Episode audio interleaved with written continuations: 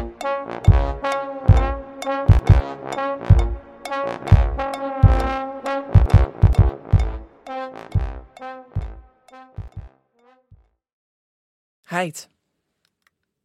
Sa, vreegt Heid, wielste de fiets strak onloekt.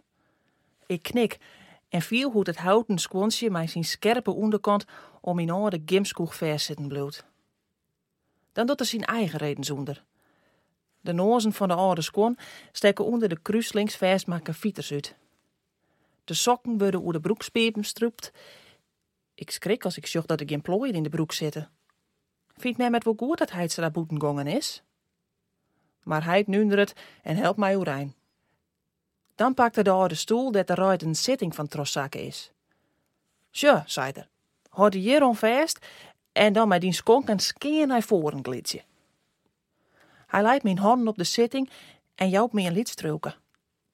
Ik skoon een liedstikje naar voren en wacht je op een tweede trul. Maar hij zit al een paar meter verderop. Als to nou hier blust, wil ik wel even mijn redens uit proberen. En mijn zwierige zwaai zet er al.